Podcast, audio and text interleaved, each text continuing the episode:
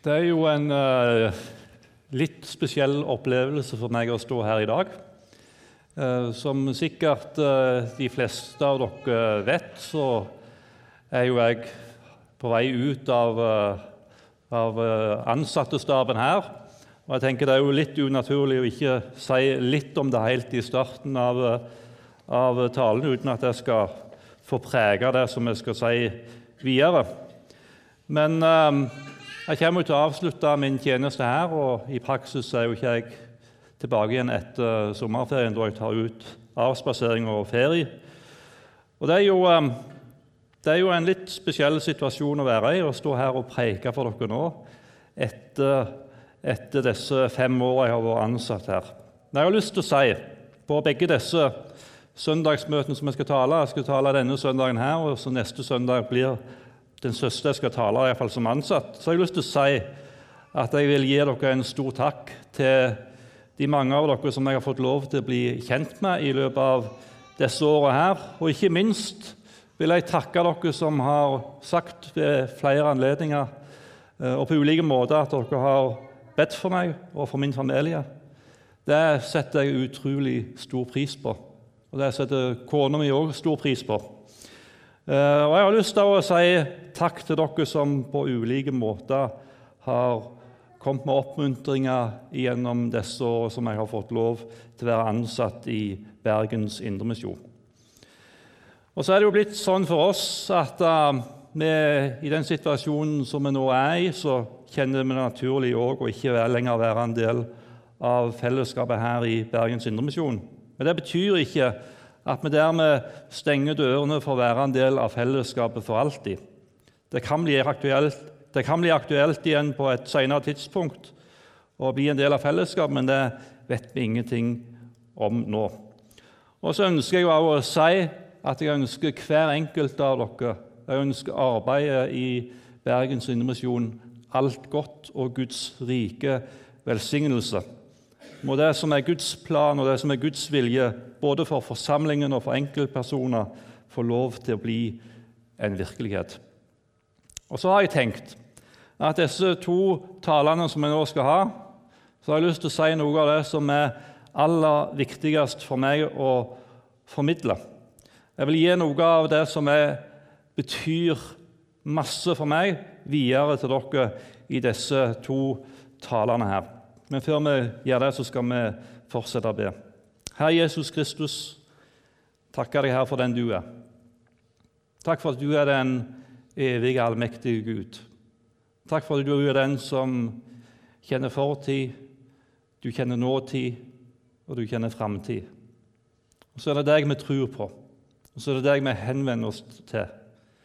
Og så er det deg vi skal få lov til å prise og ære både her i livet, men ikke minst i evigheten i sammen med deg. Men jeg takker deg for at du er her og nå. Du er her midt iblant oss, og du ønsker å tale inn i mitt liv, og du ønsker å tale inn i våre liv. Og så har jeg lyst til å si, og så håper jeg at vi alle har lyst til å si til deg, Herre, at uh, tal, Herre. Din tjener hører. Vi ønsker å lytte til deg. Vi ønsker å høre på hva du har å si oss. Og så ønsker vi at det du sier oss, det skal få lov til å få betydning inn i våre liv. Herre Jesus, må ditt verk skje i ditt navn. Amen. Denne teksten for denne dagen her, den, den er egentlig en gavepakke til meg på en sånn dag som dette, som eh, omhandler nettopp noe av det som betyr masse for meg. Og Teksten vi skal lese sammen fra Johannes 14, den er jo en del av, det er jo starten av Jesus sin avskjedstale til sine disipler, som strekker seg fra kapittel 14 til kapittel 16, og som blir avslutta med Jesu ypperste prestelige bønn i kapittel 17. Og Vi leser det som står der ifra vers 1. La ikke hjertet bli grepet av angst. Tro på Gud og tro på meg. I min fars hus er det mange rom. Var det ikke slik, hadde jeg sagt dere Var det ikke slik, hadde jeg sagt dere det. For jeg går bort Nå har jeg fått feil utskrift her på det jeg har skrevet her. Um, var det ikke slik hadde jeg sagt dere det, at jeg går og vil gjøre i stand et sted for dere. Og når, dere gått, og gjort, og når jeg har gått og gjort i stand et sted for dere, vil jeg komme tilbake og ta dere til meg, så dere skal være der jeg er. Og dit jeg går, vet dere veien. Thomas sier til ham, Herre, vi vet ikke hvor du går. Hvordan kan vi da vite veien? Jesus sier, Jeg er veien, sannheten og livet. Ingen kommer til Far uten ved meg.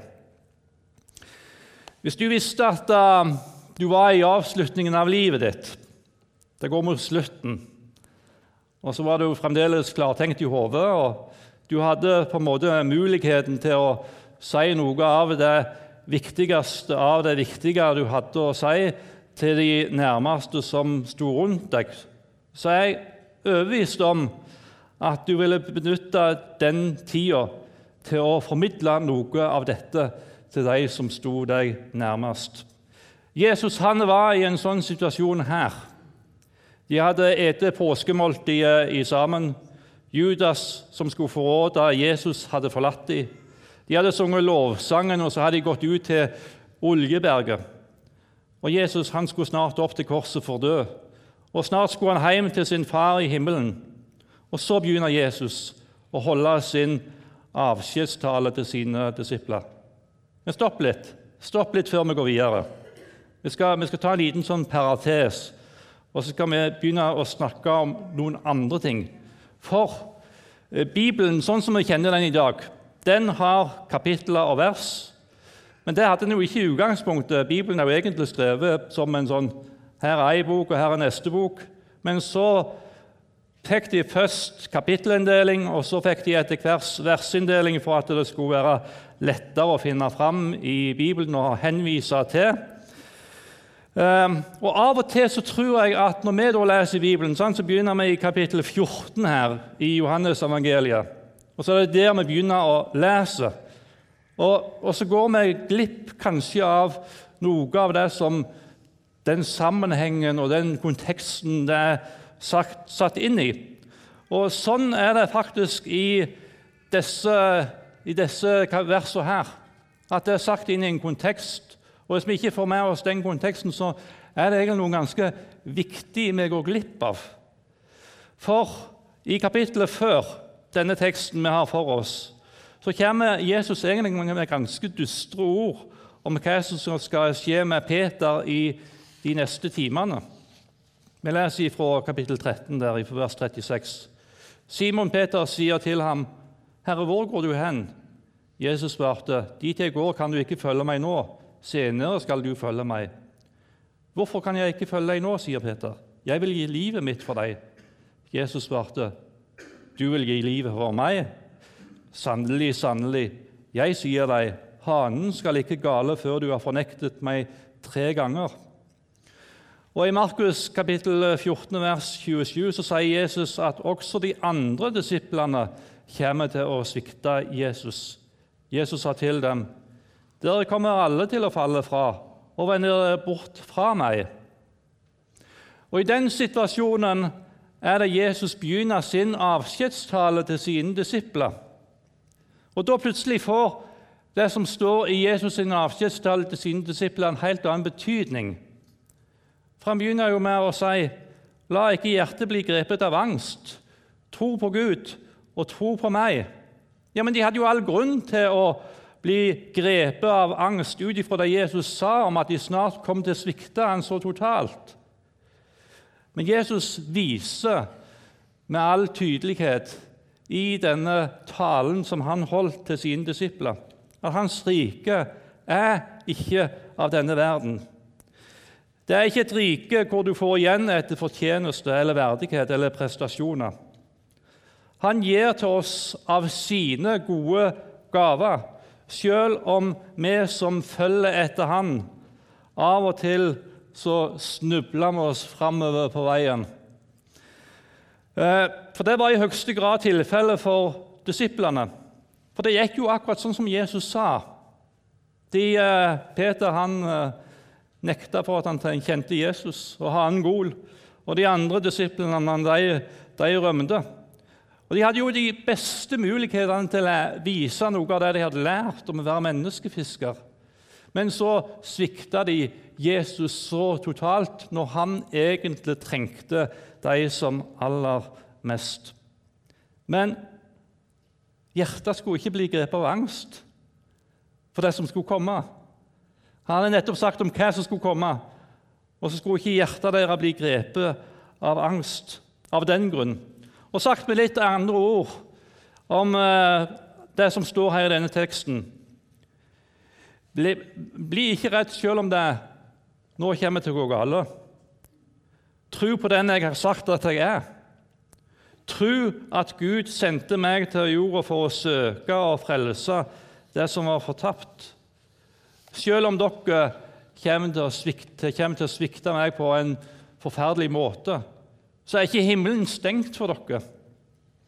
Du skal ikke bare få en avkrok hvor du kan oppholde deg i himmelen. Jeg skal, jeg skal hjem til far. Jeg skal lage i stand et rom til dere. Trua på meg er det som skal bære dere. Jeg er veien, jeg er sannheten og livet. Det er bare gjennom trua på meg at veien til Gud er åpen, ikke gjennom egne prestasjoner. Og enda større blir det hvis du da leser videre i Jesus' sin avskjedstale til sine disipler med dette bakteppet her, hva Jesus nettopp hadde sagt skulle komme til å skje med dem, så blir hele den talen eh, det, blir, det er som om Jesus dekka et sånn vanvittig koldtbord for dem med de feiteste rettene. Han forteller om hvem Gud er, han forteller om hvem han sjøl er, han eh, forteller om løftet om at de skulle få Den hellige ånd, og ikke minst den bønna som Jesus ba for sine disipler før han gikk opp til korset for å dø. Og Dette herlige måltidet som disse, disse kapitlene inne, inneholder eh, det, det, er jo, det, er jo, du må, du må hjem og så må du lese det. Lese disse kapitlene, kapittel 14, kapittel 15 og kapittel 16 og kapittel 17. Og så leser du det med det bakteppet, det som Jesus sa kom til å skje med disse disiplene om noen ganske få eh, timer. Disse versene som vi har for oss ifra, ifra kapittel 14, vers 1 og 6, det er som en, en, eh, en herlig forrett. Det er en sånn appetittvekker til det som kommer videre i denne talen. La ikke hjertet bli grepet av angst. Tro på Gud og tro på meg. Det er sånn Guds kjærlighet er. Hele Bibelen sitt store persongalleri er en eneste stor fortelling om Guds store nåde til oss mennesker. Han gjør ikke med oss etter det vi har fortjent, men han handler med oss etter sin nåde. I Hebreabrevet kapittel 11 så står det om alle disse her trosheltene i Det gamle testamentet. og Det er jo bare noen av de som er nevnt i det kapittelet der. Men, og det var jo ikke bare, altså det var jo ikke bare noen helgener. Disse her som du leser, disse tru, da tenker man, det, det er jo det nærmeste du kan komme helgen, iallfall i vår lutherske tradisjon. Men, men de, de var jo ikke det. Disse menneskene som er nevnt i Hebreabrev kapittel 11, de hadde jammen meg sine utfordringer i livet. Bare tenk på Abraham, som i første runde skulle hjelpe Gud med å føde en sønn som skulle bli arving til det løftet som Gud hadde gitt. Eller tenk på Jakob, som var en luring som lurte til seg fødsel, førstefødselsretten. Så har du Josef, som tidlig i sitt liv hadde altfor store tanker om seg sjøl. Eller tenk på Moses, som var ganske uvillig når Gud kalte han som en 80 år gammel mann til å følge kallet til å lede israelsfolket ut av Egypt. Og Du finner mange, mange flere som hadde sine utfordringer i livet. Selv om de hadde sine som vi sier på godt jærsk, sine svin på skogen, da, så er, en, så er det, noen sånne fellesnevnere i uh, alle disse her historiene uh, som du leser om, disse, om disse trusheltene. De møtte Gud, og de møtte seg sjøl i døra. Han møtte dem på de svakeste punktene av deres liv. Ikke med fordømmelse, ikke med forkastelse, men med nåde, tilgivelse, helbredelse og gjenopprettelse. Og i her eh, i mange av disse her prosessene som vi leser om, så innebar det ofte dype erkjennelser. Det innebar bekjennelse, det innebar omvendelse, og det innebar en ny start. Det kan jo stå i fare, da, og det tror jeg det vi ofte gjør. Hvorfor kommer vi ikke ærlig framfor Gud sånn som vi er? For vi kan stå i fare for å tenke at hvis jeg forteller Gud den hele og fulle sannhet, så blir jeg avvist. Da møter jeg den der strenge pappa som eh, ikke akkurat ser på meg med blide øyne. Men det er jo så langt ifra sannheten som det kan få blitt. Når vi vender oss imot Gud og forteller Han den eh, hele og fulle sannhet, eh, så ser vi ikke en Gud som står der med noen sånne strenge øyne og er litt sånn tvilende på det som kommer nå. Du møter en Gud som står der med åpne armer, og som gjerne vil ta imot et såra barn, og som virkelig ønsker at jeg skal fortelle han hele sannheten. Det står jo, jeg har ikke det med her men det står jo i en av salmene at du, du, har lyst til sannhet i det innerste av vårt hjerte. Og Det er det Gud ønsker. Han ønsker at vi skal komme fram som hele og sanne mennesker. Sånn var det òg for disiplene. Hva som ble sagt mellom Jesus og den enkelte disippel, det får vi ikke fullstendig bilde av, men vi får et glimt av det når Jesus møter Peter igjen der ved Galileasjøen. Jesus spør tre ganger elsker du meg. Elsker du meg, Peter? Og Til slutt så sier Peter dette ærlige svaret. Herre, du vet alt. Du vet at jeg har deg kjær. Jeg er så glad for at eh, Jesus ikke ønsker tilgjorte kristne som pynter på sannheten, men at han vil ha fellesskap med oss som ekte mennesker, som sier sannheten rett fram sånn som den er. Det er jo når vi forteller sannheten, at vi kan oppleve både tilgivelse og, og gjenopprettelse og helbredelse inn i vårt liv. Og Det er jo da vi kan få oppleve den nye starten i vårt liv, sånn som Peter opplevde det der ved Genesaretsjøen. Og Vi har noen vers fra Ordspråkene kapittel 28, vers 13, så står det Den som skjuler syndene sine, skal ikke lykkes. Den som bekjenner dem og vender seg fra dem, finner barmhjertighet. Og fra Salme 32, vers 5.: Da jeg bekjente min synd for deg og skjulte ikke min skyld, jeg sa, jeg vil bekjenne min lovbrudd for Herren, og du tok bort min syndeskyld, Sela.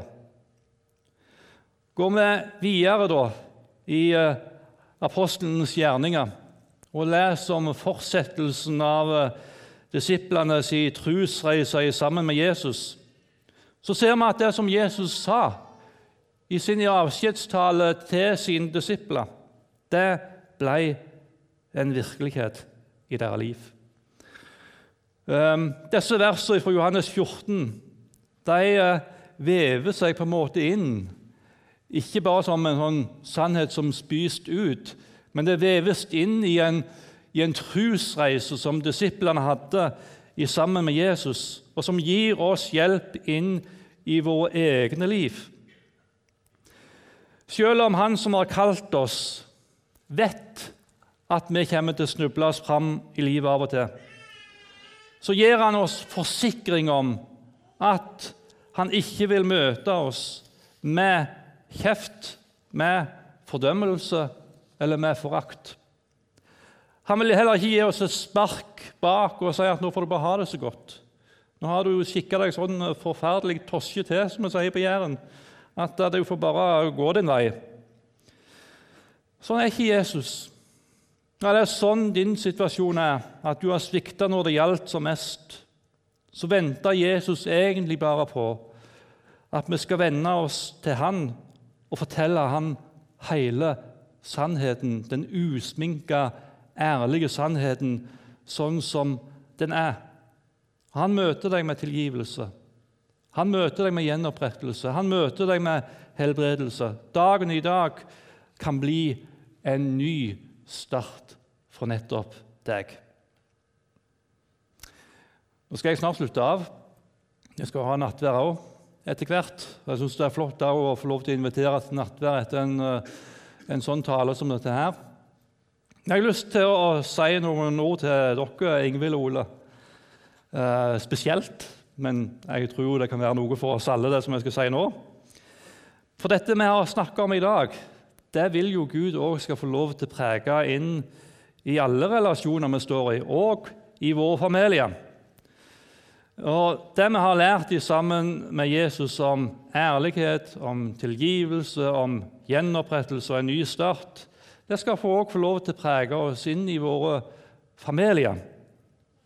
Og Jeg vet eh, av egen erfaring Ingvild Ole, at uh, dere kommer til å gjøre feil i uh, oppdragelsen av Ester og eventuelt andre barn som dere kommer til å få. Det er vel noe Det er vel kanskje den ærlige bekjennelsen vi kan komme med alle vi som har barn her, at vi, vi gjør ikke alt riktig.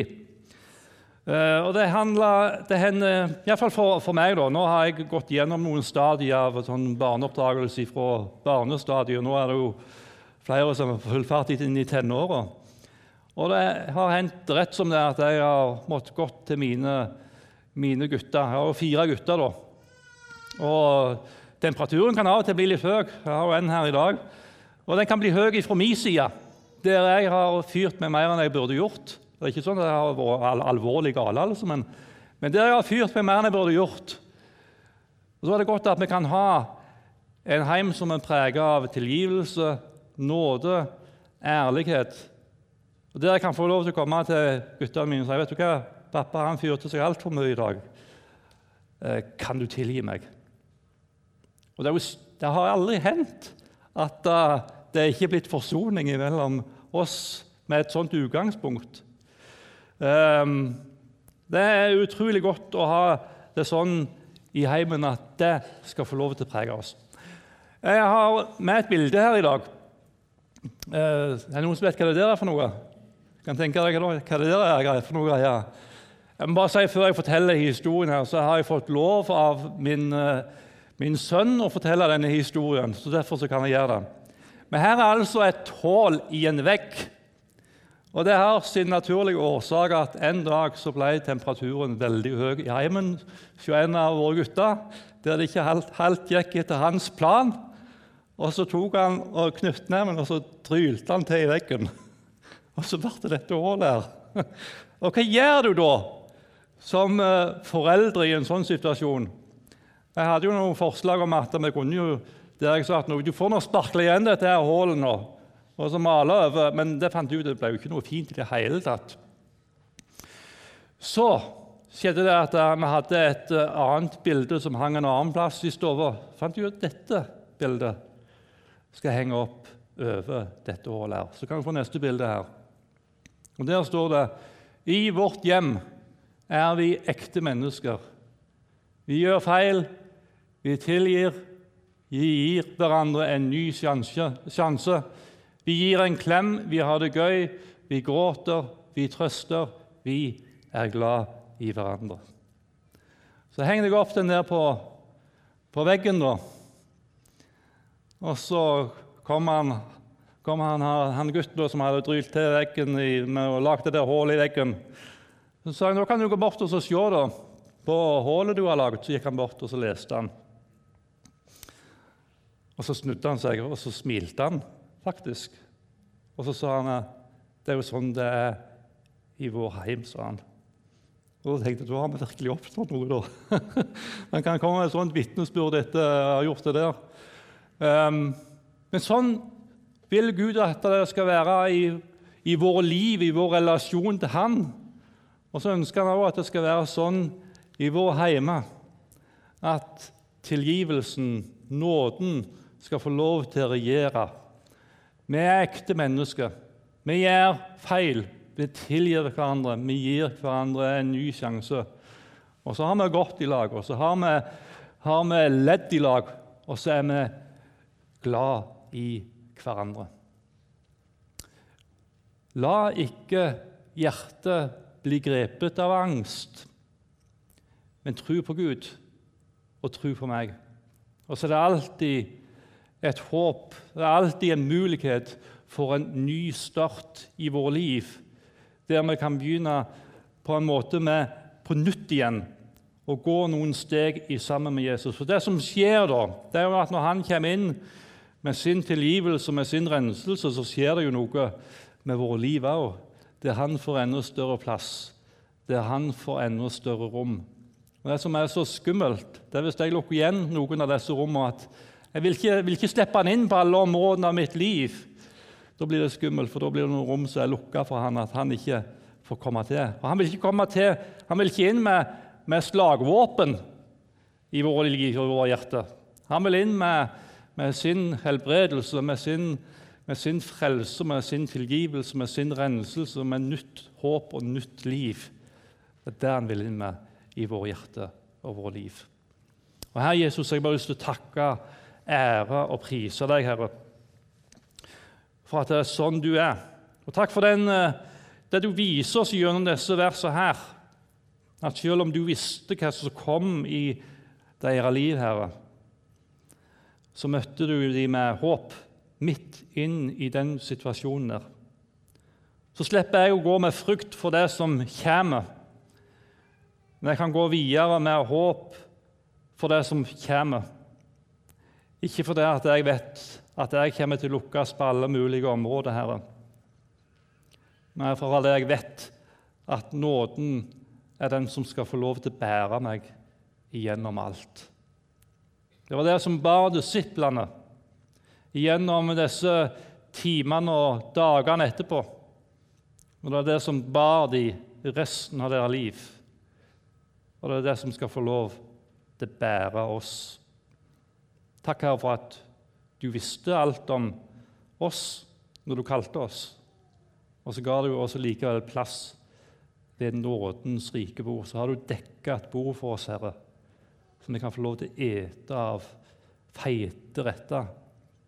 Og så takker jeg for at når vi kommer til deg og forteller deg alt sånn som det er, sånn som Peter gjorde, Herre, så står du ikke der og klar med en pisk og med kjeft, Herre, men det er virkelig det du ønsker. Du ønsker at vi skal fortelle alt, og så møter du oss likevel med oppreisning og nytt liv og en ny start.